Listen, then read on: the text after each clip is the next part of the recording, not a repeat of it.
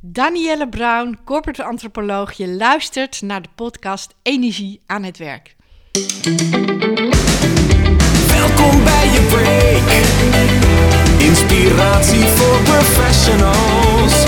Motivatie voor je werk. Arjen Bannach maakt alle energie weer in je los. Sluit je aan bij Energy That Works. Een nieuwe aflevering. En ik vind het tof dat je er weer bij bent. Tof dat je weer de tijd neemt om te luisteren. En ik weet ook zeker dat je bij dit interview met Danielle Brown weer geïnspireerd gaat worden. Want zij is een van de kenners, de experts in Nederland als het gaat over organisatiecultuur. Hoe gaan wij mensen onderling met elkaar om in organisaties? Maar voordat we naar de introductie van de podcast gaan, heb ik nog wat prijswinnaars bekend te maken. In de vorige podcast gingen we boeken weggeven van Merlijn van de Veranderbrigade. Durf het verschil te maken. En ik heb gevraagd om verandertips. En ik heb er bijzonder veel gekregen. Daar was ik ook een beetje door verbaasd. Maar het werkt dus blijkbaar goed. En ik kan je dus ook vertellen, we gaan vaker een weggeefactie doen. Onder andere over twee podcasts. Dan ga ik in gesprek met Kevin Weijers.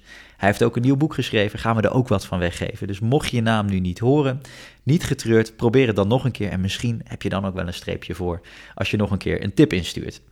De vijf winnaars van het boek. En ook de tips erbij, want leuk om even te benoemen. Allereerst Anna Ossewaaier, die zegt: vraag naar meningen van anderen zonder ze te willen overtuigen. Zoek de mensen op die niet gelijk met hun mening vooraan staan, want zij hebben het talent om te luisteren en kunnen een leider van, voorzien van constructieve informatie. Prachtige tip. De tweede van Paula Visser, die zegt dat na het in kaart brengen van de patronen met medewerkers uit alle lagen van de organisatie moet je samen bepalen wat echt prioriteit heeft. Iedereen mag daarbij ideeën aandragen, iedereen wordt gehoord en iedereen moet worden meegenomen in de ontwikkeling. En de voorwaarde is dat leidinggevenden openstaan voor input van onderop. En dat is denk ik ook heel erg waar. Dus ook Paula krijgt een boek. De derde gaat naar Evelien Fokker en die zegt start een meeting, een vergadering of zelfs een gesprek eerst nou eens met een stilte. Met ontspannen, en diepe ademhaling en beantwoord je beide de vraag: waar gaat het jou echt om vandaag? En ik denk dat dat ook een prachtig middel is om eens niet in de waan van de dag bezig te zijn, maar juist veel meer bezig te zijn met is echt nadenken wat nou de essentie is van verandering. De vierde van Vivienne van Leuken. En zij trekt eigenlijk het veranderen uit elkaar in intuïtie en in ratio. En ze zegt, wij zijn heel veel bezig in verandering met het ratio en proberen daar mensen mee te overtuigen. Maar als je met ratio bezig gaat met verandering zonder intuïtie, dan doe je veel, maar verandert er misschien eigenlijk wel helemaal niks. Want inspiratie begint misschien wel met een vonkje intuïtie. Alleen maar intuïtie is natuurlijk ook niet goed, want als je geen ratio hebt, dan blijf je bij ideeën. Maar we moeten intuïtie wat meer de ruimte geven in veranderprocessen. En ik vind dat een prachtige om verandering uiteen te trekken in intuïtie en ook daadwerkelijk in ratio. Prachtig. En de laatste, gelukkig ook nog een man, Erik van de Polder. En hij zegt, we moeten meer luisteren naar professionals en hen ook de ruimte geven om datgene te realiseren wat ze echt nodig hebben. Stel niet de vraag wat zij graag zouden willen of zien gebeuren, maar stel hen de vraag hoe zij de klant nog beter van dienst zouden kunnen zijn en wat ze daarbij nodig hebben. En het mooie is dat dat misschien ook wel een beetje aansluit bij die visie van Merlijn en die ik ook een beetje heb geadopteerd.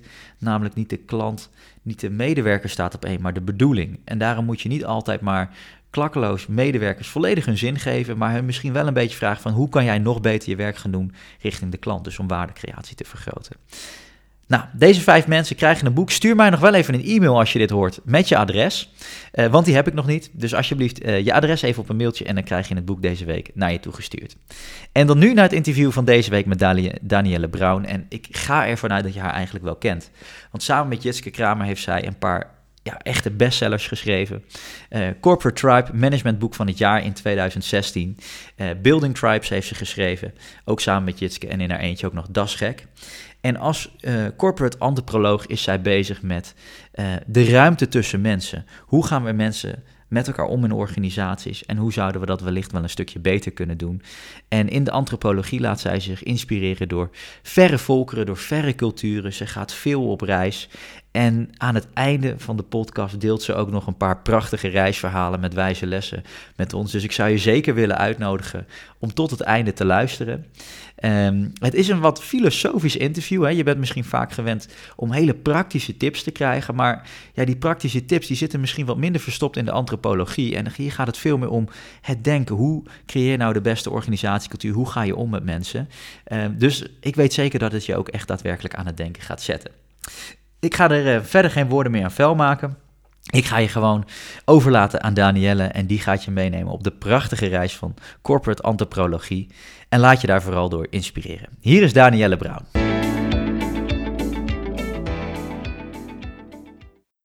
Ik zit tegenover Danielle Brown. Allereerst welkom in de podcast. Dankjewel, goedemorgen. Goedemorgen. En uh, ja, een belangrijke eerste vraag die de luisteraars ook altijd verwachten is: waar ben jij tot dusver het meest trots op in je werk? Ik ben heel trots dat ik het vak van antropologie, of de studie antropologie, uh, de wetenschap, uh, dat die zo zijn weg heeft gevonden in het bedrijfsleven. En dat het me lukt om mensen antropologisch te laten kijken in bedrijven, organisaties en dat het geland is. Want toen ik begon met dit werken, met mijn eerste boek, uh, was het een beetje de vraag, ja, waar, ik weet nog, nog Ronald Jansen van Managementboek, die had zoiets van, waar moet ik dit plaatsen? Is dit nou een roman of is dit een organisatieboek of is dit wetenschap of is dit een reisverhaal? Dus wat is dit? En inmiddels heeft heel corporate Nederland ontzettend gedachtegoed van de corporate tribe en building tribes omarmd. En daar ben ik heel trots op dat dat gelukt is. Ja, mooi. Jij bent natuurlijk een managementboek van het jaar in 2016 geworden. Ja, ja. klopt. Ja. Maar laten, laten we even, even, even, even een stapje terug gaan. Want antropologie, ik denk dat nou, iedereen die dit luistert weet, of tenminste daarvan gehoord heeft, maar dat lang niet iedereen goed weet wat antropologie eigenlijk is. Ja. Dus zou je ons eens mee kunnen nemen, wat is nou eigenlijk die leer? Ja, antropologie is de leer van culturen. Gaat eigenlijk over hoe mensen met elkaar omgaan. Dus hoe mensen culturen maken en hoe culturen mensen maken.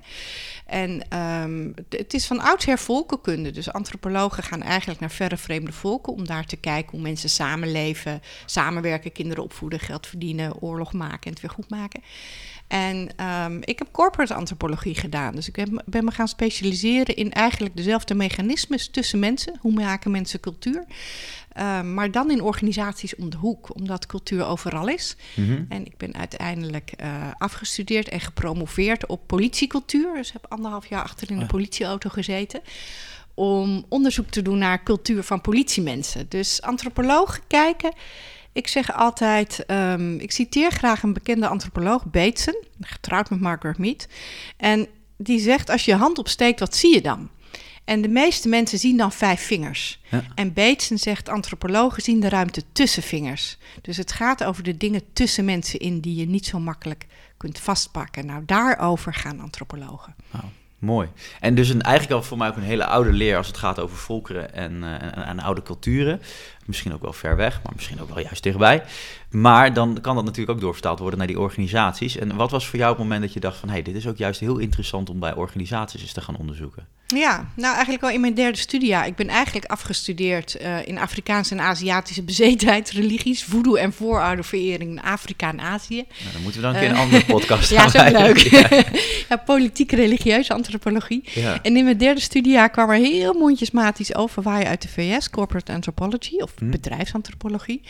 En ik vond het machtig interessant dat ik me realiseerde dat, dat cultuur overal is. En ik was eigenlijk meer geïnteresseerd in de mechanieken van cultuur tussen mensen, dan dat ik zo nodig in dat, naar dat ene dorp in Zuidoost-Bali hoefde.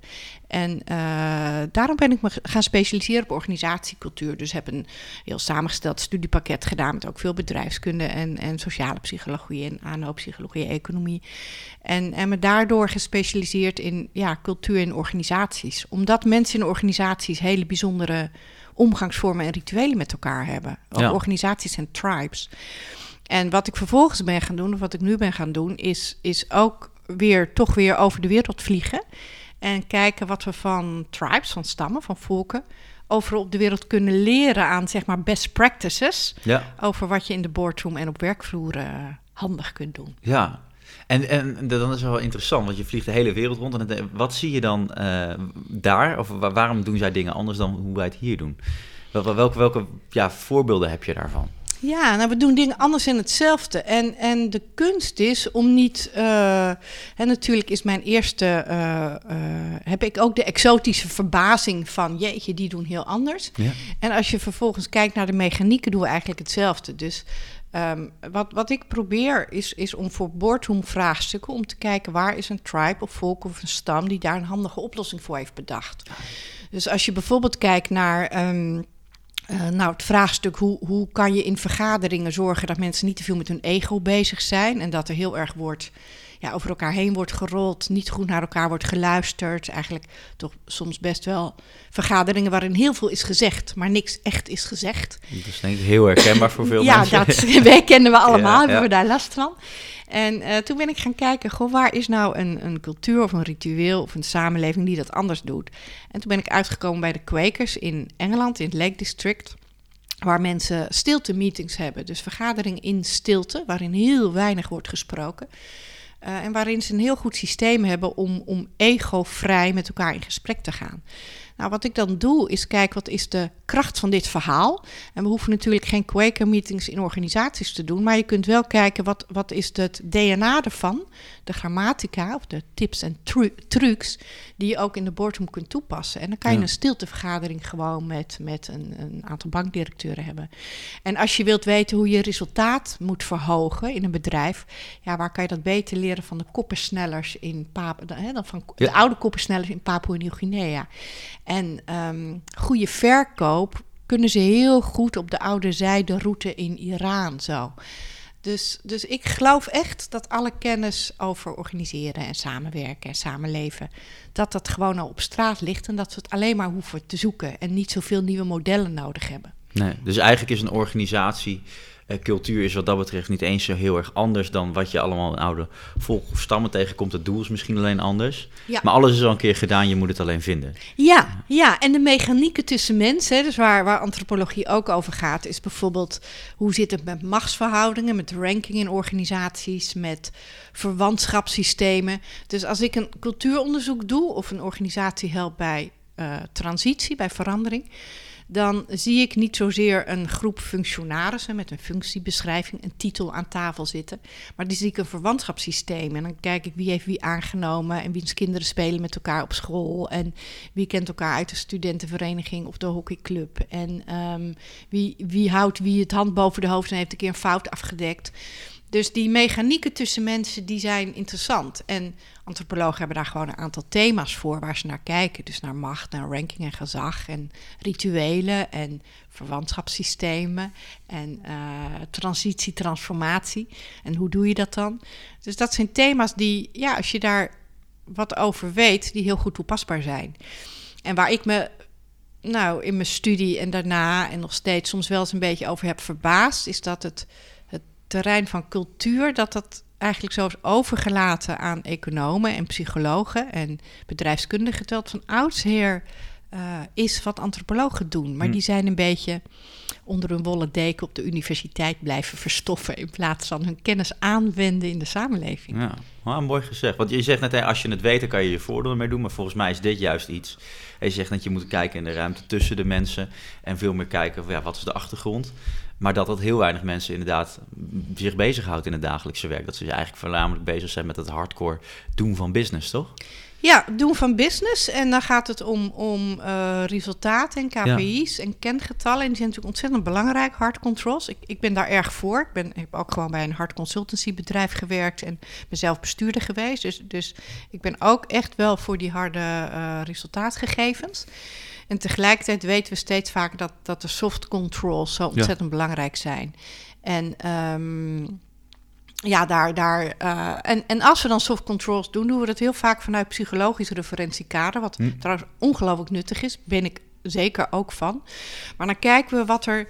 Uh, hè, dus als je dan gedoe hebt in een team, dan proberen we, wat we dan vaak doen, dat is een beetje ons, ons management uh, manier en de MBA-achtige manier van soft controls toepassen, dan zeggen we, nou, dan moet je individuele gesprekken gaan voeren met mensen. En dan ga ik met Annemarie praten en dan probeer ik Annemarie's overtuigingen te veranderen. Ja. En dan gaat ze ander gedrag doen. Ja. En dan werkt dat anders in een team of in het systeem op elkaar in. En antropologen zeggen, ja, dat heeft niet altijd veel nut. Want Annemarie zelf kan wel iets anders gaan doen. Maar Annemarie in haar sociale context, in haar groep, doet iets anders dan dat ze eigenlijk wil. Ja. Dus dat is die ruimte tussen mensen. De, Hmm. dus cultuur, zeggen antropologen, is een soort deken die over een groep heen ligt. Dus een eigen entiteit die je hebt te managen. En dat kan niet altijd via individuen. Nee. En dat is waar we met beoordelingscycli en, en planning en control cycli en individuele gesprekken zijn we gewend alles via individuen of via resultaatmetingen te regelen. Hm. En ehm, wat interessant is, is hoe kan je nou de groep als entiteit beïnvloeden? Ja. Nou, daar wil ik het zo wel even met je over hebben. Daar ben ik wel heel benieuwd naar. Ja. Maar eh, even, eerst nog even een tussenvraag, want het is wel interessant. Want het lijkt nu, hè, wat je zegt net ook al, het, eh, op de, de allereerste vraag, waar ben je trots op? Het wordt nu eigenlijk meer geaccepteerd in organisaties. Eh, hoe kan het dat het nu een veel breder gedragen goed is? Het hele antropologie-verhaal, hoe kan dat? Nou, ik ben zo arrogant om te zeggen dat, dat de boeken van mij en van Jitske daar wel aan bij hebben gedragen. Dus, Ja. dus tot een paar jaar geleden wisten weinig mensen wat antropologen in organisaties deden. In Nederland, in Ja. de VS en eh, Scandinavië is het veel groter. Mhm. Google heeft bijvoorbeeld veel antropologen in dienst, een aantal vliegtuigmaatschappijen. Ehm, de, dus dus eh, ik, ik denk dat dat heeft toe bijgedragen. Wat heel leuk is, ik krijg nog steeds echt mailtjes en, en LinkedIn eh, berichtjes van antropologen die zeggen... ik durfde nooit te zeggen dat ik antropoloog was... maar door jullie boeken heb ik een soort coming out. Dus dat is Ah, wel gaaf. ja, Ja, ja. dat is cool. En ehm, ja, du- dus het, het, het zijpelt langzaam door. En, en inmiddels snappen steeds meer organisaties. Ik, ik zie nu heel veel vacatures komen met echt antropologen gevraagd. Bij Hm. gemeenten, bij zorginstellingen, in het onderwijs. Uh, dus het wordt duidelijker wat ze doen. Ja. Ja. En is dat ook zo omdat we, en dat is dan een beetje vanuit mijn visie, dat we toch langzaam maar zien dat, dat organisaties iets meer mensgericht gaan organiseren? Mensen niet gaan zien als, als, als een soort human resource, maar veel meer als een, als een holistisch, holistische benadering van mensen als persoon. En dat je daar ook goed voor moet zorgen in de dynamiek in de organisatie. Ik denk het wel. Ik denk dat we toch hebben gemerkt dat de organisatieverandering moeilijk is. Het Centraal Planbureau heeft ooit berekend dat 70% van de grootschalige geplande organisatieveranderingen toch een beetje stopt of Ja. mislukt of lastig is. Dus ik denk zeker dat, dat we vinden dat het anders moet. Ja, En eh, ja, dat er in steeds meer leiderschapstrajecten, opleidingen, gesprekken tussen leiders, bestuurders. Het besef is dat het echt gaat over het managen van mensen en, Ja. en meer dan human resources. En nou, we zitten natuurlijk ook in enorme eh, toekomstvraagstukken, samenlevingsvraagstukken, arbeidsmarktschaarste. Dus het wordt steeds belangrijker om zuinig te zijn op, eh, op de mensen die, die in je organisatie werken. ja. En, en met dus als grootste verschil ten opzichte van de psychologie is dat het, die dus heel veel bezig is met het managen van het individu. Terwijl je dus eigenlijk bezig moet met het managen van de groepen mensen, de culturen waar ze in zitten. Klopt, Ja. het gaat echt over de context, systeem. Sommige mensen eh, zeggen ook, het is ook wel, heeft een link naar systemisch werken. En dat is zo. En het is net weer even, nou ja, aanpalend en een beetje anders. Same, same, but different zo. Ja. Dus het, ja, dus antropologen kijken naar groepsniveau en Ja. naar, eh, heel erg naar context. Ja. En, en, dat liet je net al vallen, hè, die groep als entiteit, eh, in plaats van de persoon lospakken. Hoe, hoe ga je uiteindelijk de groep als entiteit zien? Wat zijn daar de stappen toe? Nou, de groep als entiteit zien, begint zo, zo in, in je eerste college als antropoloog. Er zijn eindeloze verwantschapssystemen. Dus ik heb eindeloos verwantschapsnotaties van de Ibo-stammen en zo in Afrika moeten leren. Dus het gaat eerst om wie hangt met wie samen. Dus hoe zijn hier de draadjes aan elkaar verbonden? En dan ehm, is, is de verhouding die een CEO heeft tot eh, zijn tweede man-vrouw. En, en het feit of de partners van die twee, eh, dus de, de echtgenoten of echtgenotes, elkaar wel of niet aardig vinden, is ook bepalend voor wat er in een groep gebeurt. En groepen laten zich sturen met andere dingen dan individuen. Dus groepen laten zich sturen met inderdaad zingeving en betekenisgeving. Nou, rituelen had je het Ja. net over. Eh, laten zich sturen door verhalen. Dus, dus als je kijkt naar de oude bioanthropology, zo waar we vandaan komen, dan is cultuur een middel geweest om grote groepen mensen te organiseren. Dus zodra een tribe groter wordt dan 150 mensen, heb je eh, gezamenlijke betekenisgeving en een soort nou ja, religie nodig, of een corporate story of een narrative, om met z'n allen ehm, ja, de, in, in het gezamenlijk doel te geloven. En eh, antropologie en cultuur gaat over dus, dus de groepstools en interventies die je hebt om een groep te laten bewegen in plaats van de individuen in die groep. Ja. En het mooie is dat je zegt, allereerst al een soort eh, aanstekelijk doel of een, bepaalde zingeving nodig, omdat eh 150 dan zo groot wordt dat je niet meer iedereen individueel kan kennen en je, dat je dan samen drijft. Is dat het? Ja, dus het is grappig, hè? Want, want wat eigenlijk bijzonder is, is dat vroeger, toen je in je hele kleine dorpje of tribe leefde, zo ergens op de wereld, dan, dan wil je, als iemand eten voor je maakt, dan wil je ongeveer weten wat erin zit. Hè? Voedselveiligheid is een van de meest basale eh, dingen die voor ons belangrijk zijn. ja, en, het, en het gevoel dat je buurman je niet in de pan hakt, zo als rivaliserende stam. Hè? Dat is wel ons bestaansrecht. Dus eten vinden en eh, veilig eten vinden en zorgen dat je niet wordt aangevallen. En wat nu natuurlijk heel bijzonder is, is dat we naar de supermarkt gaan, geen flauw idee hebben wie er wat in ons sausje geproduceerd in China heeft gestopt. Ja. Maar we vertrouwen dus op een gemeenschappelijk systeem dat we denken dat in de supermarkt ons voedsel veilig is. Ja. Dat is eigenlijk, als je dat psychologisch of cultureel bekijkt, is dat waanzinnig. Waartoe wij westerse huidige mensen nu in staat Ja. zijn om te geloven en te vertrouwen. En dat kan alleen maar door een enorm eh, ja, waanzinnig ingewikkeld systeem van betekenisgeving, waar, waarbij we in het gezamenlijk verhaal zijn gaan geloven dat ons voedsel veilig is in de supermarkt. Hm. Net zo goed als dat we allemaal vertrouwen op de waarde van geld. Ja. Hè, dat we allemaal geloven dat het papiertje voor een bepaalde waarde staat. Dus, dus ook in bedrijven moet je een gemeenschappelijk verhaal maken, of een narrative, waar mensen allemaal in geloven. Want waarom zou je anders acht uur per dag beleidsdocumenten gaan schrijven? Dat is volstrekt tegen je bioritme en natuur in. Dat is ook helemaal niet goed voor ons. Dus dat doe je alleen maar als je in een gemeenschappelijk verhaal gelooft. Eh, waarin dat en voor jouzelf als persoon goed is en je daar salaris voor krijgt. eh, en waarom dat bedrijf iets goed doet in de wereld. Alleen dan ga jij zulke rare dingen doen. Ja. ja, want er was niemand op de kleuterschool die dacht... eh, Er was niemand op de kleuterschool die zei... ja, ik ga acht uur per dag beleidsstukken schrijven. Nee. Maar toch gebeurt het. En dat heeft dus te maken met die, met die zingeving, met die Met betekenis. zingeving Ja, en betekenisgeving, Ja. ja. Oké, en, wat, wat, ehm, en is, dat, even- is die betekenisgeving ook iets wat jullie dan als, eh, als antropoloog, waar jullie dan ook misschien wel mee starten, omdat het misschien toch het, de, ja, het fundament moet zijn van een groep? Of? Ja, ja dus, dus het begint. Dus als ik masterclasses, lezingen geef of cultuurtrajecten doe, dan zeg ik altijd: Goh, laten we eerst eens op zoek gaan naar wat voor betekenis geven jullie aan.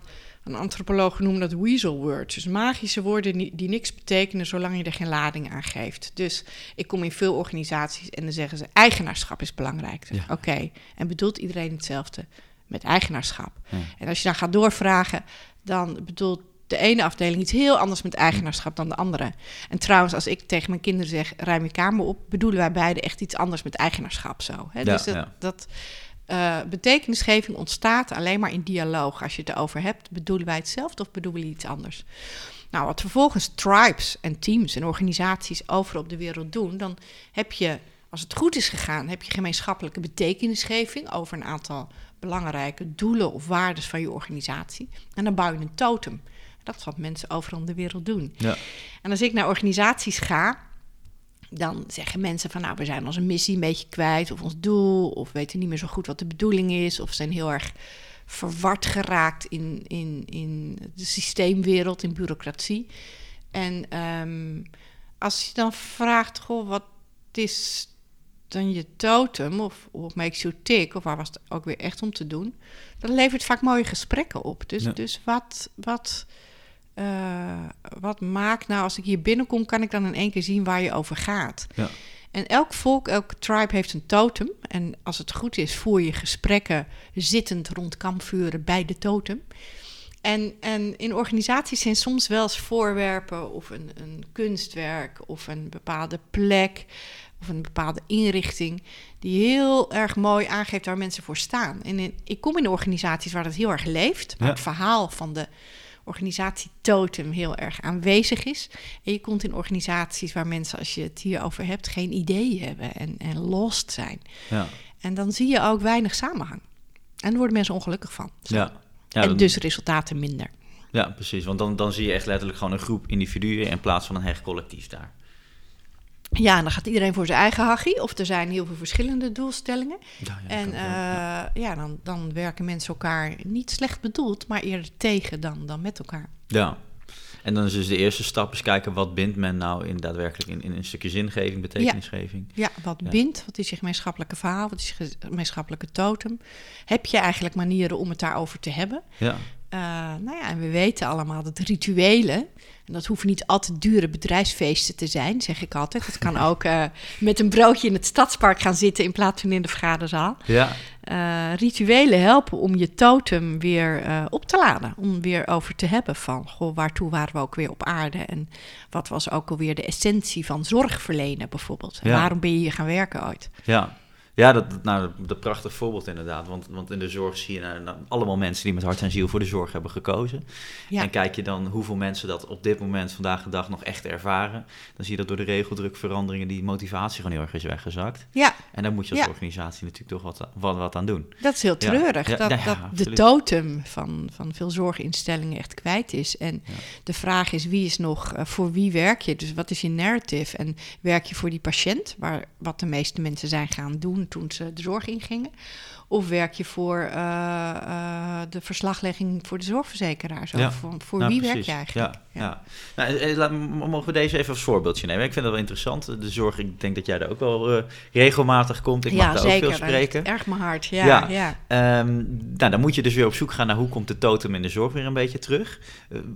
Je komt binnen, hè? We merken daar een, een situatie waarin het, het gevoel een beetje weg is, die, die zingeving.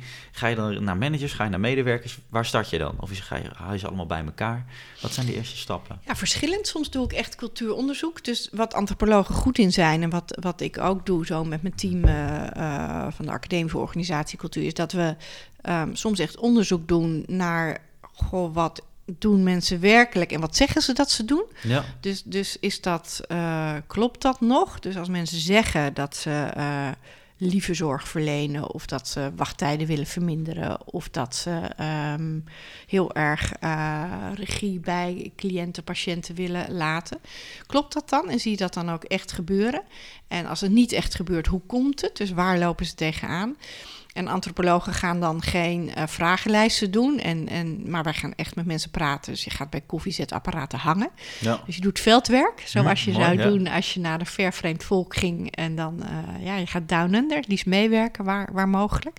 Aan het bed staan als dat eh, een beetje kan. Niet, niet meewerken in de OK, daar ligt zo, hè, er zijn natuurlijk altijd grenzen wat je wel en niet kunt participeren. ja. Maar wel echt kijken en echt echte verhalen ophalen. En dan proberen eigenlijk, eigenlijk gaat het altijd over de, de bug, de discrepantie tussen eh, de website-werkelijkheid en de, de eh, missiedocumenten-werkelijkheid en wat mensen echt doen. Mooi. dus daar ja. begint het vaak. En eh, nou ja, vervolgens komt daaruit van, goh, waar, waar stokt het? Waar gaat het mis? Zit het in, inderdaad in betekenisgeving? Zit het in systemen? Zit het in, in procedures die mensen belemmeren? En dan ga je proberen weer terug te komen bij, bij dat totemverhaal. En waar was het ook weer om te doen? Ehm, en wat heel vaak helpt, ook dat is een cliché, maar het is wel zo. Cultuur wordt echt gevormd in dialoog. Dus het is Ja. vaak ook, eh, wat we vaak doen, is weer de goede dialogen aanzetten. En zorgen dat mensen het weer gaan hebben over eh, waarom moet ik dit formulier invullen en wat gebeurt er als ik het gewoon niet doe. Hm. En eh, soms denken mensen, ik, ik kom veel mensen ook tegen in zorginstellingen, die denken dat ze van alles aan regeldruk moeten doen. En ehm, dat als je dan doorvraagt, ik zeg ja, maar van wie moet je per se dit formulier invullen en kan het niet zonder? Dat het soms ook een mythe is dat ze het formulier moeten invullen. ja. En dat er heel veel escapes zijn, ook binnen die grote gebureaucratiseerde eh, boze buitenwereld. Dat mensen vaak eh, minder eigen ja, beweegruimte pakken dan ze eigenlijk zouden kunnen. Ja, nou ja, heel herkenbaar inderdaad. Ik, ik had een leuk voorbeeld daarvan dat een van de gedragswetenschappers, ehm, ten tijde dat ik daar bij een zorginstelling was, ehm, gewoon als enige inderdaad vond, ja, dit formulier is echt overbodig en ik ga deze verantwoording niet afleggen. En die heeft het gewoon een half jaar niet gedaan, terwijl alle collega's het wel deden. En de, de consequenties waren gewoon nul, want niemand die dat verder iets mee deed. Het, het deed ook nergens toe en dan zie je in één keer dat je toch in de marge, ja, toch met heel veel werk bezig bent, wat misschien helemaal niet zo nuttig is. Ja, fantastisch. Ja. Ja, en dan is altijd de vraag hoe, hoe eh, eh, zorg je dan voor upscaling? Dus fantastisch dat één zo iemand dat Ja. uitvindt. En hoe zorg je nou dat dan de kennis over, over wat die ene persoon eigenlijk heeft uitgevonden, dat je dat verspreidt. En Ja. dat is altijd wel lastig om het van, van die, die kleine best practices naar het grote geheel te krijgen. En, en, en hoe doe je dat? Heb je er een voorbeeld van? Eh, nou, ik, ik geloof heel erg in de methodiek van viral change, dus virale verandering. Dus, Ja. dus, dus we weten dat peer-to-peer beïnvloeding eigenlijk beter werkt. Dat cultuur meer verspreidt van peer-to-peer dan met grote tsunami-achtige slogans op koffiepads en, eh, en, en mok en zo. ja. Dus, dus ja, hoe zet je, eh, hoe verspreid je verandering alsof je een virus door een organisatie verspreidt? Dus hoe zorg je dat het hot en sexy wordt om, om bijvoorbeeld die formulieren niet meer in te vullen? ja. Nou, en daar hebben we culturele trucs voor. Dus dat helpt als je verhalen maakt, als je rituelen eh, eh, bedenkt met elkaar die ook herkend worden. Eh, het helpt als je iemand die zo'n formulier niet invult, als je die podium geeft en gezag en ranking. Ehm, het helpt als je zorgt dat de prikkels, dus de beloningssystemen ook zijn, in lijn worden met het nieuwe gedrag wat je wenst. ja. En wat we eigenlijk doen is een soort, ja, geleerd zo van voodoo-priesters in Haiti. eh, die eigenlijk heel goed weten hoe je beïnvloeding doet. Dus hoe, hoe verspreid je nou letterlijk door speldenprikken uit te delen? eh, hoe verspreid je speldenprikachtige verandering? ja. En dat, nou, ook dat kunnen we van veel volken leren te zien hoe je dat doet. En wat we nu vaak in organisaties doen, is een beetje, ik noem het vaak de Tibet-strategie. Dan zeggen we, we moeten morgen cultuurverandering hebben. En dan rijden we met, met eh, tanks over oude cultuur heen. Nou, dat is in Tibet ook gelukt. Ja. Hè? Dat kan. Dan rij je over tempels heen. ja. Maar dan moet je wel permanent een legermacht van, van duizenden eh, controleurs hebben, soldaten hebben, om dat in stand te houden. Dus dat is niet duurzaam. Dat is Nee. geen duurzame verandering. Het lukt wel even, maar het is geen duurzame verandering. Nou, het werkmoraal zal er waarschijnlijk ook niet heel veel leuker op worden. Het werk wordt er niet leuker van, mensen raken gedemotiveerd. Dus, dus, eh, en toch doen we dat vaak. Dus als we daaraan denken, zeggen we, nou natuurlijk, dat weten we, het is belachelijk, dat, dat, zo moet je dat natuurlijk niet doen. Mhm. En toch doen we heel vaak in organisaties eh, eh, een, een beleidsdocument. En morgen moeten we een andere cultuur hebben. En dan doen we cursussen. En dan doen we online de module die je op maandagochtend moet doorlopen. En op dinsdagochtend staat er een doos met het nieuwe logo van de organisatie. En dan zeggen we, yeah, gefuseerd of Ja, gereorganiseerd. ja, Dus we vinden het stom en toch doen we het. ja. En we weten dat het anders moet. Ja. En, en ik, ik heb je een voorbeeld, want ik kan me voorstellen dat er ongetwijfeld wat, wat managers, leidinggeven aan het luisteren zijn. Die denken van ja, ik heb wel zo iemand in mijn team zitten, die doet het net even anders. En dat zou ik wel wat, wat, wat breder gedeeld willen zien in de organisatie. Hoe zou je dat dan kunnen aanpakken dat dat, dat misschien middels rituelen wat, wat, wat breder gedeeld wordt? Ja, nou, de, de, de eerste stap is dat je zorgt dat die persoon dat die eh, zendtijd krijgt. Hm. Dus vaak zijn het de mensen die een beetje anders kijken, anders doen, dwars kijken. En eh, vanuit antropologische termen kan je dat ook een beetje magiërs noemen. Dus het zijn mensen die opeens aan een klein wondertje verrichten. Het gevaar van magiërs is dat ze vaak in het begin vindt iedereen het helemaal wauw zo. Hm? Maar magiërs hebben de neiging op, op culturele randjes te lopen en op culturele tenen te stappen. En dan is de grens tussen magie en, en witchcraft is heel dun. Nou, mooi, ja. Ja. voor je het weet ver, eh, belandt de magier op de hekserijbrandstapel. Ja, dus is hij even leuk, tot hij inderdaad dan eh, ja, wat, wat te hard gaat roepen, schreeuwen... of te veel mensen de formulieren niet gaan invullen en dan is het niet meer leuk. Ja, Dus het begint met een soort ehm zendtijd creëren, bescherming te bieden aan tegengestelde meningen. Dus hoe maak je een omgeving veilig voor mensen die iets anders doen of iets anders vinden of iets anders uitproberen? Dus dat is stap één, dat je het daar veilig voor maakt. En dat Ja. je op maandagochtend niet zegt, goh, we gaan vergaderen. Ik hoop dat we het allemaal heel snel eens zijn. Maar dat je zegt, goh, wat goed, we zitten hier met twaalf verschillende mensen. Ik hoop dat we allemaal een totaal ander idee hebben. ja. Dus hoe maak je plek voor verschil? En nou, dan maak je het voor die ene persoon veilig. En vervolgens is de vraag, hoe verspreid je het verhaal? Nou, dan moet je zorgen dat die ene persoon een andere persoon krijgt... waartegen die het verhaal kan vertellen. En als hij dat niet zelf kan, moet je hem of haar helpen. Eh, en je kunt dan vervolgens, kan je met een, een ritueel of een, een, nou ja, een moment van beïnvloeding. Dus dat mensen met elkaar in gesprek gaan over dit soort slimme uitvindingen die ze hebben gedaan. Ja. Dat ze die elkaar gaan vertellen. Dus ik zeg altijd, dan moet je magische tijd creëren. En dat, nou ja, dat lijkt van weer een congres. Maar soms moet je tijd maken met elkaar om dit soort dingen te delen. Om Ja. verhalen te verspreiden aan het kampvuur. Of gewoon in een zaaltje in een organisatie. En, ehm, nou ja, en dan is de truc om iemand die dat heeft gedaan, om die de goede ranking te geven. Dus om te zorgen dat dat niet de, de, de nar of de, de lonely nut van een organisatie wordt, Ja. maar dat die wordt opgetild. Dus, dus geef diegene een goede positie en een eh, stem in het krantje en een plek op intranet. En complimenteer hem of haar in het openbaar door de hoogste baas. Dan zorg je dat iemand ook aanzien krijgt. Ja. En dat iemand wordt beschermd tegen eventuele eh, cynisme van Ja, collega's. mooi. Dus dat soort dingen zijn Ja. belangrijk. Is- Is dit trouwens, want hè, we hebben nu een beetje over die kampvuren aansteken, toch? Zijn, eh, jullie hebben daar zes fases toe geïdentificeerd. Zit dit daarin? Of is dat, eh, zijn dat andere fases?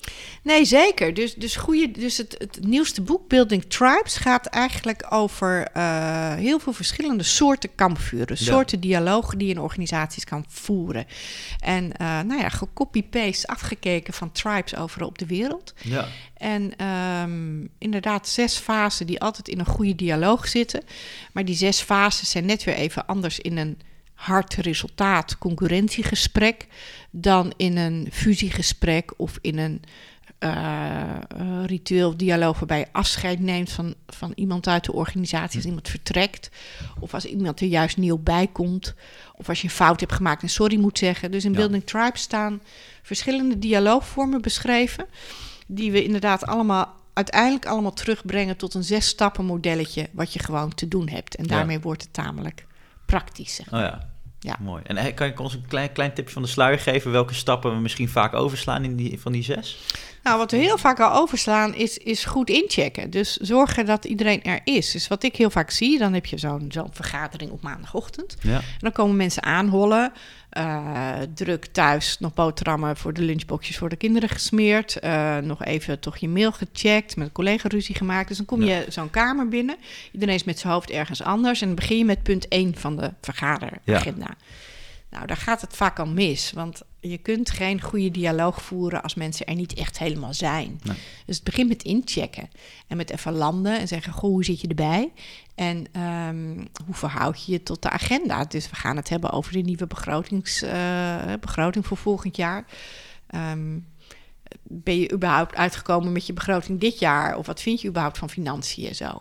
Dus een goede check-in heeft twee doelen. Landen, echt er zijn Ja. je collega ehm, als mens zien en niet alleen maar als functietitel eh, of, of, of eh, iemand van wie je iets moet, maar als hele persoon er mogen zijn.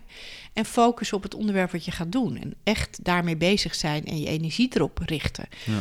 En daar begint het vaak, dat we dat gewoon niet doen. En we checken ook niet uit. Dus dan gaat iedereen na een vergadering weer zijns of haar weegs. Ja. En dan wordt er ontzettend geroddeld bij het koffiezetapparaat. En daar wordt dan vaak eigenlijk heel veel wijsheid opgehaald. Van, nou ja, ik vond het eigenlijk belachelijk wat eh, Marieke zei. Of jeetje, Mohammed zat weer te zeiken. Of, of wat een wezenloos goed idee van Peter zo. En dat wordt dan bij het koffiezetapparaat gezegd. Ja. En al die wijsheid gaat eigenlijk verloren. Ja. Dus goed uitchecken, goed afhechten. Is er nog iemand die iets wil zeggen? Is altijd een goed idee, omdat je daarmee. ehm, ja, de mooiste eh, dingen worden vaak aan het eind van een vergadering gezegd. Dat je die binnenskamers houdt in plaats van dat die eh, in de roddel verdwijnt. Ja. Dus, dus een goed begin en eind van een bijeenkomst of vergadering of dialoog of kampvuurgesprek, hoe je het wilt noemen, is vaak al zo ontzettend wezenlijk. Ja. En, en dat slaan we heel vaak over. En Dat, dat is heel. We doen echt raar in organisaties zo, Ja. best wel met elkaar. Ja, nee, ja, daar zit natuurlijk toch de conclusie op het, op het einde. Maar ik ik vind het wel interessant wat je zegt. Hebben we daar bij het koffiezetapparaat eh, worden dan uiteindelijk de echte meningen gedeeld. Ja. Maar hoe krijg je nou de... Want ik geloof wel op het moment dat je dat weer naar het einde van de vergadering haalt, naar de check-out, dat, dat je misschien toch een beetje afgezwakte meningen krijgt. Een beetje maatschappelijk gewenste of sociaal gewenste eh, opmerkingen in plaats van dat mensen echt zeggen wat, wat, wat, wat, op, eh, ja, wat, wat ze vinden. Ja, dat hangt ervan af. Je, je kunt die eerlijkheid... Kijk, hé, je krijgt nooit 100% eerlijkheid. En het is ook prima dat er wat te roddelen blijft zo. Dat is ook gewoon wat mensen doen en wat ze ook heel leuk vinden. Ja, ja dat vinden we... Gedoe is leuk voor Ja. mensen. Guilty pleasures zo. Ja. Maar eh, je kunt het wel vergroten. Dus je kunt, eh, nou, wat, wat ik bijvoorbeeld vaak houd, is, is GODLA's, Afrikaanse volksraadplegingen, waarbij er een soort methodiek is om niet in debat, discussie te gaan met elkaar, maar echt om de beurt je wijsheid over een bepaald organisatievraagstuk te geven. En ehm, als je het vaak genoeg doet, het lukt niet, niet altijd de eerste keer, maar als je vaak genoeg zegt, jongen, we gaan uitchecken en ik wil echt horen hoe je deze vergadering of bijeenkomst of bilateraal gesprek uitgaat. Als je dat keer op keer doet, raken mensen wel in een soort gewenning Ja. om wel eh, meer te zeggen tegen elkaar dan in de wandelgangen en bij eh, de waterkoeler. Hm. Dus je kunt mensen daar wel degelijk in, Ja. in trainen, in eh, zeggen wat er gezegd moet worden op de plek waar het gezegd moet worden. Ja. En dan is natuurlijk heel belangrijk dat je niet vervolgens iemand erop afvinkt. Hè? Dus als, als de hoogste baas vervolgens iemand apart pakt en zegt: Goh, wat jij in die vergadering hebt gezegd, hè, dat, dat, dat kost je je promotie. Ja. Dat gaat niet werken. Nee, nee. Dus het is natuurlijk wel belangrijk dat je ook, ehm, als je doet, als je zegt dat je echt graag alle meningen wilt horen, dat je dat daar ook naar leeft. Ja. Dus practice what you preach is dan wel heel wezenlijk. Ja, maar inderdaad, als je het maar vaak genoeg terug laat komen op de agenda, dan gaan mensen er vanzelf gebruik van maken om die, die mogelijkheid ook in te vullen. En, Ja, die, die, we, we zijn natuurlijk ook in de samenleving, als je nu kijkt naar de hedendaagse politiek, zo links-rechts en, en de polarisering die, die, hè, die ingewikkeld is, dan zie je dat we bijna aan het afleren zijn om goed debat te voeren of om goed ruimte te maken voor alle meningen. En we zijn heel gevoelig, hè? we zijn heel snel bang dat we of mensen kwetsen of zelf gekwetst worden. En eh, ik denk dat die dialoogspier, zeg maar, dat dat Ja. iets is wat je kunt trainen. Ja. Dat je absoluut kunt leren om eh, minder snel te oordelen en meer ruimte te maken voor, eh, voor gewoon voor tegenstellingen en verschil. En dat ook weer een beetje leuk te gaan vinden. ja, mooi. En we hebben nu al heel veel gehad over, of tenminste heel vaak het woord rituelen laten vallen. Maar dat is volgens mij iets wat juist ook het, het cement moet zijn tussen mensen. Ehm, maar wat ik in ieder geval, ja, vaak, vaak komen ze onbedoeld een beetje tot stand in organisaties. Wat misschien niet per se iets slechts is. Maar hoe zorg je nou dat je die rituelen ook echt iets is wat je organisatie groot maakt? Dat, dat het ook echt aantrekkelijk is. Ja, nou, wij mensen hebben echt iets unieks wat dieren niet hebben. Dus wij hebben rituelen die ons helpen om om te gaan met onzekerheid. Ja. Dus ik, wat ik altijd zeg is, cultuur hebben we om de dagelijkse wanorde van alle dag te ordenen. Dus, dus Ja. om betekenis te geven aan ons samen zijn en eh, met elkaar afspraken te maken. Zo doen wij dat hier. Dit is nu eenmaal wat wij met elkaar doen. Ja, En als het, als het ehm, als cultuur tekort schiet, dus als er dingen gebeuren die eh, ingewikkeld zijn of anders zijn, als we van leven naar dood gaan, of als we ehm, eh, volwassen worden, of als je gaat trouwen, dan dat is onzeker. Dan ga je een nieuwe toekomst in. Daar hebben we als mensheid hebben we rituelen om dat soort overgangen te vieren. Hm. Dus rituelen helpen je, zeggen eigenlijk tegen je neurologisch systeem: hé, let even op. De oude ordening geldt niet meer. Je moet even harder gaan werken, want eh, de, de, de toekomst wordt nieuw. En in organisaties hebben we natuurlijk heel veel overgangsmomenten. Hè? Reorganisaties, fusies, een andere manier van werken.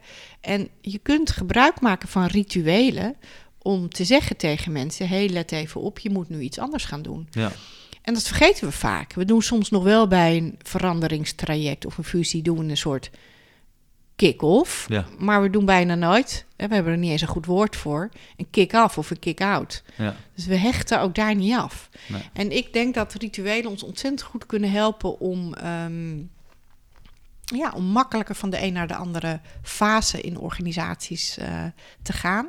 En om te zorgen dat we gemeenschapszin ervaren. Dus dat we, hè, waar jij denk ik ook op doet, zodat we.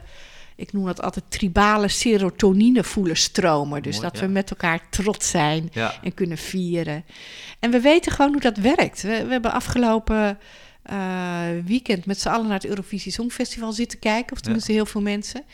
En dan ben je trots als Duncan wint. En Ja. dat is gewoon ouderwetse tribale serotonine. Dus dat je denkt dat je allemaal een beetje Duncan bent. En denk, yeah, ik Ja. ben ook een winnaar. En dat kan je ook in organisaties we organiseren. Dus we weten dat muziek, ehm, feesten, mooie verhalen, mooie speeches, eh, dat dat werkt. En daar zijn hulpmiddelen bij. Dus we weten ook dat ons brein gevoelig is voor humor, voor felle kleuren, voor muziek, voor uh, gek genoeg ook dingen als seks en geweld en bloed. Hm. We weten dat dat triggert. Dus een goed ritueel leren bouwen. Ik, ik leer in leergangen mensen hoe bouw je een goed organisatieritueel. Nou, dan moet je een goed verhaal hebben. Seks, bloed, humor, geweld, liefde uh, en muziek allemaal bij elkaar gooien. En dan dat werkt. Ja. Dus je kunt dat wel degelijk beïnvloeden. Ja. En, um, want ik, ik, ik, denk ook dat rituelen hebben, je hebt ze natuurlijk, ik vind ze mooi, want ik, ik was voornamelijk bewust van rituelen gewoon als, als, als bindmiddel eigenlijk. Ja. Uh, maar juist ook in de overgangen zijn ze dus heel belangrijk, omdat ze daarmee die onzekerheid een beetje uh, af kunnen wenden en, en ja, richting iets nieuws kan gaan. Maar hoe zorg je dan in, in het alledaagse dat je toch zegt van nou, hier ga ik een goed ritueel opbouwen? Want wat is dan het vertrekpunt? Is dat dan in veel gevallen de kernwaarde van een organisatie, dat je die als leidraad neemt? Of wat, wat pak je dan als vertrekpunt? Dat kan, dus het kunnen zeker de gewenste kernwaarden zijn uh, waarvan je zegt daar bouwen we rituelen omheen om te zorgen dat we dat ook echt met elkaar doen. Dus als je bijvoorbeeld het belangrijk vindt uh, om echt te weten wat klanten willen, dan is het handig als je af en toe ook klanten uitnodigt als je weer eens een leiderschapsdag hebt. Hè? Dat vergeten we heel vaak zeggen. Klant centraal. En dan zeg je, maar waar zijn ze dan nu vandaag? Precies, hè? Zo. Dus, dus zeker helpt dat. Um, ja, en het, het, het helpt ook om. Um, om te beseffen dat je niet zomaar kunt veranderen. Dus wat ik bijvoorbeeld, ik doe heel veel fusiebegeleiding in organisaties. En wat ik net zei, dan delen we op dinsdagochtend een doos gebak uit met het logo van de nieuwe organisatie. En dan zeggen we gefuseerd. Ja. En dan vind je het gek dat er drie jaar later nog twee bloedgroepen zijn. Ja. En dat is natuurlijk helemaal niet gek, want als je kijkt naar je privéleven, als je gaat trouwen, en een fusie is volgens mij niks anders dan een, dan een verbindenis, zoals een relatie of een huwelijk, dan ga je eerst uh, gesprekken met elkaar voeren over, goh, wie ben jij en wie is de ander? En uh, willen we monogaam of polygaam zijn? En hoe gaan we om met geld? En hoe ga, is er een rankingsverschil? En hoe gaan we om met onze schoonfamilie? En bij wie gaan we wonen? En als ik dan bij jou kom wonen, doe je dan, uh, schuif je dan alleen die plant een meter naar rechts op de vensterbank? Of krijg ik ook een eigen badkamerkastje? Nou, dat soort gesprekken vergeten we vaak bij fusie te voeren. Ja. En ik denk dat je dus plek kunt maken voor rituelen om duidelijk te maken dat je echt gaat trouwen. En ik zeg vaak tegen organisaties: heb je wel een feestje gevierd? Nou, dat, vaak is het nog wel iets van een fusiefeest. Maar dan vraag ik: en heb je ook een vrijgezellenfeest gehouden? Dus heb je met de oude organisaties nog één keer met de oude collega's gebarbecued? Ja. Want als je dat niet doet, heb je drie jaar later nog een geheim appgroepje met de oude collega's. Dus je moet ook rituelen heb je ook nodig om af te sluiten, uh, opnieuw op pad te gaan, binding te creëren. Dus we kunnen als mensen bijna niet zonder. Ja. Mooi. Wat, wat ik dan wel vaak tegenkom, is dat rituelen vaak nog heel erg um, ja, leunen op, op het initiatief van leiders, van managers in de organisatie. Terwijl eigenlijk het, denk ik, het beste is op het moment dat gewoon een medewerker denkt van hier is behoefte aan en dat gewoon zelf de ruimte pakt om, er, om ook een initiatief van te maken. Hoe stimuleer je dat dan, dat rituelen ook echt op alle lagen in de organisatie kunnen ontstaan? Nou ja, ook weer door inderdaad plaats te maken voor mooie ideeën. En ik, ik ben er een beetje dubbel over. Want ik geloof wel ook dat het de rol van leiders is om dit soort dingen te organiseren. Ehm, dat, dat is. Leiders zijn geen leider omdat ze slimmer zijn, maar omdat ze een soort collectieve uh, tribe-energie kanaliseren. Daarvoor, ik zeg altijd, je krijgt echt niet die functieschaal hoog omdat je zo slim bent. Maar omdat je, zoals in Madagaskar, heb je dorpen waar als er shit is in, in de tribe, in de stam, dus er is misoogst geweest of er zijn, uh, het vee is dood gegaan, dan wordt de leider, de chief van het dorp, wordt op een Oscar gehesen en dan mag iedereen rotte tomaten en mango's naar zijn hoofd gooien. Dus je, je, bent, je bent ook uh, model, symbool van het, de mooie dingen en het leed in een organisatie. En ik zeg altijd, daarvoor krijg je die extra salaris. Gaat niet omdat je slimmer bent, maar omdat je ook het collectieve leed moet kanaliseren. Dus ik vind het op zich goed als leiders zeggen, jongens, het is tijd voor feest. Zo. En ik ben helemaal met je eens dat het fantastisch is als medewerkers ook kunnen bedenken, het is tijd voor een ritueel of voor afscheid. En um, ja, hoe organiseer je dat? Dan, dan moet je hulpbronnen maken, magiërs in organisaties, die helpen bij rituelen, Ja. rituele begeleiders, kampvuurbegeleiders. Je kunt het ook gewoon het hoofd HR of eventorganisatie noemen, hè, maar ik noem dat liever magiërs zo. Ja. En eh, dan moet je zorgen dat die heel toegankelijk zijn voor medewerkers. En wat we nu vaak zien is dat magiërs, eh, stafafdelingen, zijn vaak de mensen met de rode potloden die komen kijken of je wel aan je INK kwaliteitskeurmerk eh, voldoet. En dat stimuleert niet. Nee. Dus, dus er echt zijn voor mensen die iets anders willen, dat is belangrijk. Dus, dus de, eh, die ondersteuners, die magische ondersteuners in organisaties, zijn ongelooflijk belangrijk dat die eh, open deuren hebben voor, nou precies wat je zegt, vind ik heel mooi, voor medewerkers met een goed idee of die iets willen. Ja. Ja. Nou, vind ik mo- mooi. En je zegt misschien ook dat de HR daar misschien wel een rol voor, zou, in, zou kunnen hebben. Ja, En ik, als ik dan als je dit vertelt, dan ga ik gelijk weer even terug naar die periode dat ik ook het Chief Happiness Officer was bij die zorgorganisatie. En dat eh, op een gegeven moment, en dan doen we ook een uitvraag, waar is nou behoefte aan? En je krijgt zo ontzettend veel eh, ideeën binnen, waarvan een gedeelte ook misschien niet kan, maar ook een heel groot gedeelte ontzettend goed zou doen voor de organisatie. Maar dat toch op de een of andere manier dat heel erg bij mensen blijft, in plaats van dat er iets is in de organisatie wat toch de mensen stimuleert om met die ideeën te komen en dat ook eigenlijk tot uitvoering te brengen. En dat misschien ook juist wel de belangrijke rol van de magier dus helemaal niet aanwezig is. Ja, en we doen vaak ook tegenstrijdige dingen. Hè? Dus dan, dan wil je een soort start-up energie maken in een grote organisatie. Zeg je, nou, we gaan een pilot beginnen. En mensen krijgen echt de vrije ruimte om iets, iets aan iets moois te gaan werken. En krijgen een budget en een tijd zijn daarvoor vrijgemaakt. Dus dan, soms heb je dan zo'n start-up project. En dat begint dan heel gaaf. En wat je dan ziet is dat als je er niet hele sterke muren omheen bouwt, dat dan na een maand toch diezelfde afdeling HR komt met, ja, maar ik wil wel je reiskostendeclaratiebonnetjes volgens dit en dit formulier ingevuld Ja, ja, ja. En dan kill je die start-up energie. Ja. Dus als je echte experimenten wilt, of mensen wilt laten eh, experimenteren of laten werken met zonder al die formulieren, dan moet je zorgen dat je ook een afgeschermde omgeving maakt. Dus zet er een muur omheen en zeg: we doen hier dus even niet de standaard reiskostendeclaratiebonnetjes. Ooit weer wel, ja. maar nu even niet. Dus, dus nieuwe ideeën hebben. Het, het zijn kwetsbare stekjes. Ja. Die hebben bescherming nodig. Ja, Mooi. En er moet dus ook echt een beschermer zijn. er moet echt een En- beschermer zijn. Ja. leidinggevende. Ja. Mooi. Ehm, wat, wat ik misschien eh, nog wel leuk vind, even tot slot, want eh, je hebt al even wat verschillende eh, ja, plaatsen op de wereld heb je genoemd. Zou je, zou je misschien tot slot ons nog eens even mee kunnen nemen naar misschien drie plekken waarvan jij zegt, nou die hebben wel een hele diepe indruk gemaakt en dat is gewoon tof hoe de cultuur daar eruit ziet en daar zouden organisaties meer mee kunnen. Heb je zo drie die te binnen schieten of een paar toppers van jouw reis? Nou, ik ben echt onder de indruk geweest van mijn reis naar Iran. Terwijl Iran natuurlijk ook een heleboel dingen heeft die we niet zo leuk vinden, niet begrijpen en ook wel bang voor zijn. Eh, maar ik ben onder de indruk geweest van verkooprelaties in Iran. Dus ik heb daar onderzoek gedaan bij nomadische volken en tapijtverkopers op de markt in Esfahan.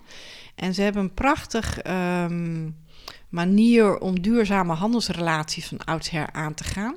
Dus, dus om te zorgen dat, eh, dat je allebei blij bent als je iets hebt gekocht. Dus Ja. de, de tapijthandelaar moet blij zijn, maar de klant moet ook blij zijn. En het is een heel ingewikkeld systeem van Taarov, wat gaat over wederkerigheid in relaties. En dat vond ik heel mooi. En daar heb ik echt van geleerd om andere sales te doen. Dus hoe doe je nou sales waarbij je alle twee beter wordt? En nou, dat, dat heeft indruk gemaakt. En hoe- Kan je iets meer vertellen hoe, hoe dat er concreet over wordt? Dat heel lastig. Ja, maar- nou ja, ik was, ik was bijvoorbeeld... Ik, ik, ik vroeg aan die tapijthandelaar... Ik zei, goh, hoe bepaal je nou de, de prijs van een tapijt? Want Ja. dat is heel ingewikkeld. En ze, allemaal met die tapijten zijn prachtig. Hè? Die Persische tapijten met allemaal ingewikkelde patronen en kleuren. En je ziet hele verhalen eigenlijk van die... eh, nomadische volken die ze maken, eh, erin in geweven. Dus ik vroeg, hoe weet je nou wat de prijs van een tapijt is? En toen zei hij van, nou ja, dat kan ik je eigenlijk niet eens zo goed vertellen, maar dan neem ik je mee naar iemand die, dat, die je daar een heel mooi verhaal over kan vertellen. En toen ben ik naar de Bakhtiari-nomaden in hoog in Zagrosgebergte boven Esfahan eh, geweest. En kwam ik bij een nomade vrouw, die, die echt nog nomadisch leeft en, en in de winter op een andere plek leeft dan in de zomer. En dan worden al die tenten en het, het, het, vee en de schapen en de geiten meegenomen. En dat trekt zo'n hele familie eh, de dalen in. En toen vroeg ik dezelfde vraag van hoe weet je nou, hoe bepaal je de product van jouw tapijt? En toen zei ze, hoeveel denk jij dat dit tapijt waard is? En ik had inmiddels iets geleerd over die, die gebruikte stoffen, materialen en kleuren. Dat de ene kleur duurder is dan de andere. Dus ik deed een gok. En toen keek ze me heel streng aan. En toen zei ze: Hoe weet jij hoeveel dit tapijt waard is? Toen dacht ik: Oh jee, ik doe het verkeerd. dus ik nou, iets hoger inzetten zo en een beetje beter nog kijken. En toen zei ze: Als jij niet snapt dat ik maanden heb geweven aan dit tapijt en dat mijn handen open liggen van de spin uh, waarmee ik de wol heb, heb uh, geweven. En als jij niet snapt hoe vaak ik niet voor mijn man heb kunnen koken omdat ik dit tapijt moest afmaken. En als je niet snapt hoe vaak die tapijten van de zomer naar de winterlocatie hebben gereisd en hoeveel eeuwen geschiedenis er in deze tapijten zitten, hoe weet je dan ooit de waarde van dit product? En daarmee heeft ze me geleerd. Toen zei ze: Wij verkopen geen tapijten, wij verkopen verhalen. Hm. En je kunt pas weten wat de waarde is van een tapijt als je ons verhaal kent. En dat is zo mooi. En dat is natuurlijk waar heel veel uh, organisaties mee bezig zijn. Weet je, als ik bij Campina ben, die verkopen melk per liter, maar die verkopen ook het verhaal van blije koeien. Ja. Dus, dus melk van een koe in de wei is, vind ik, en, hè, is leuker melk dan melk van een koe in een stal in een klein hokje. Dus hoe zorg je nou dat je verhalen verkoopt in plaats van producten? En uh, dat je relaties met je concurrenten ook op de markt goed houdt. En dat als je ziet dat je concurrent weinig klanten hebt en jij heel veel, dat je ook wel eens iemand doorstuurt. Ja. Dat is mooi. Ja. Prachtig. Ja, oude, oude menselijke relaties. Nou, nog eentje, want ik vind het, ik vind het gaaf. nou ja, een andere is. Um, en die kwekers, die kwekers in Engeland, die hebben ook wel heel erg indruk gemaakt. Dus hoe kan je nou ego-vrij vergaderen zo?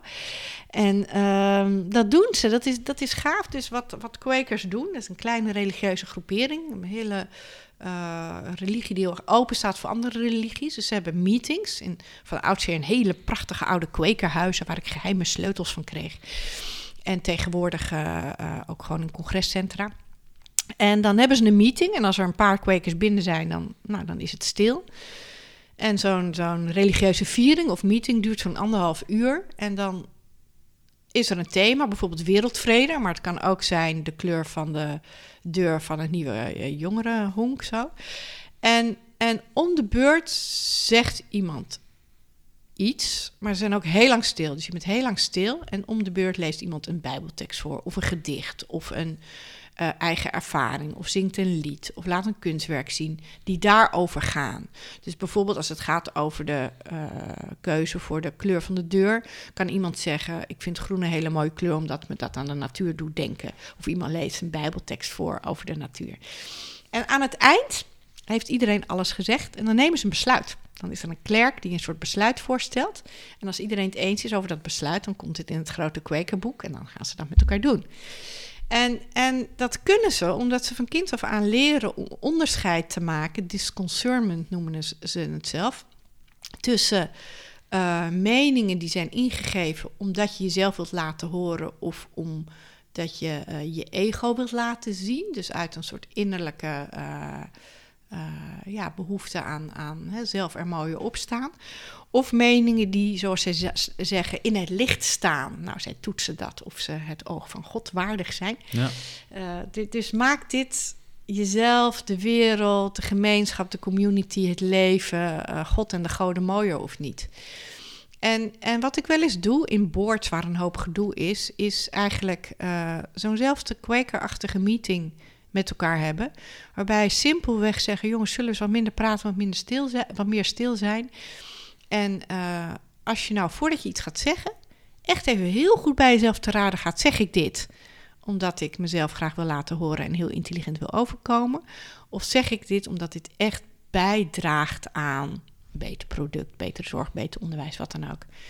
Dus is het nodig dat ik dat zeg? En dan wordt er een derde minder gesproken. Ja. En er echte dingen gezegd. En dat, dat heeft spectaculair wat er dan met mensen gebeurt. Ja.